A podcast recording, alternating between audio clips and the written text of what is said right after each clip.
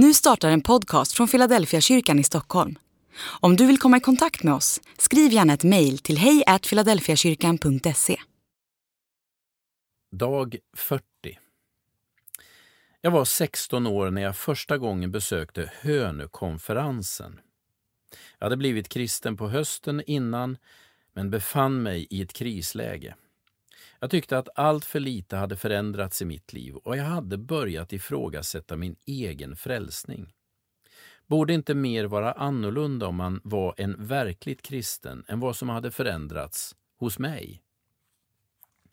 Med alla dessa känslor av misslyckanden och tvivel satt jag för första gången i mitt liv på ett tältmöte på en ö i Göteborgs skärgård.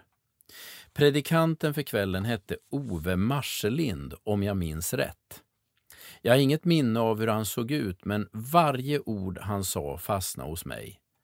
Han predikade över en bibeltext från Johannes evangeliet kapitel 3 om ormen i öknen.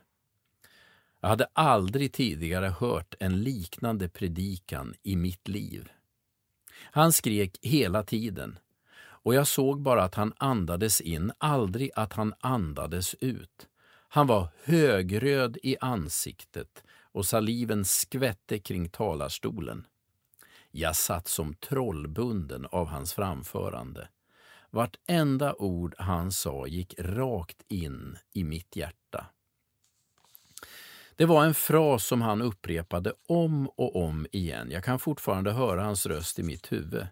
Det var som om han talade bara till mig. Han sa Lyft blicken och se på Jesus. Den predikan lever jag efter fortfarande. Det är så lätt att jag börjar titta på mig själv och, och varje gång blir jag lika besviken. Jag har fortfarande så många bekymmer och är så kluven.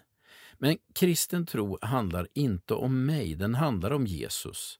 Det är honom jag ska se på och inte på mig själv. Denna dag vill jag ge dig samma hälsning som Ove Marselind en gång gav mig. Lyft blicken och se på Jesus. Andlig övning. Lyft blicken och se på Jesus under denna dag. Stanna upp en gång i timmen och tänk på Jesus.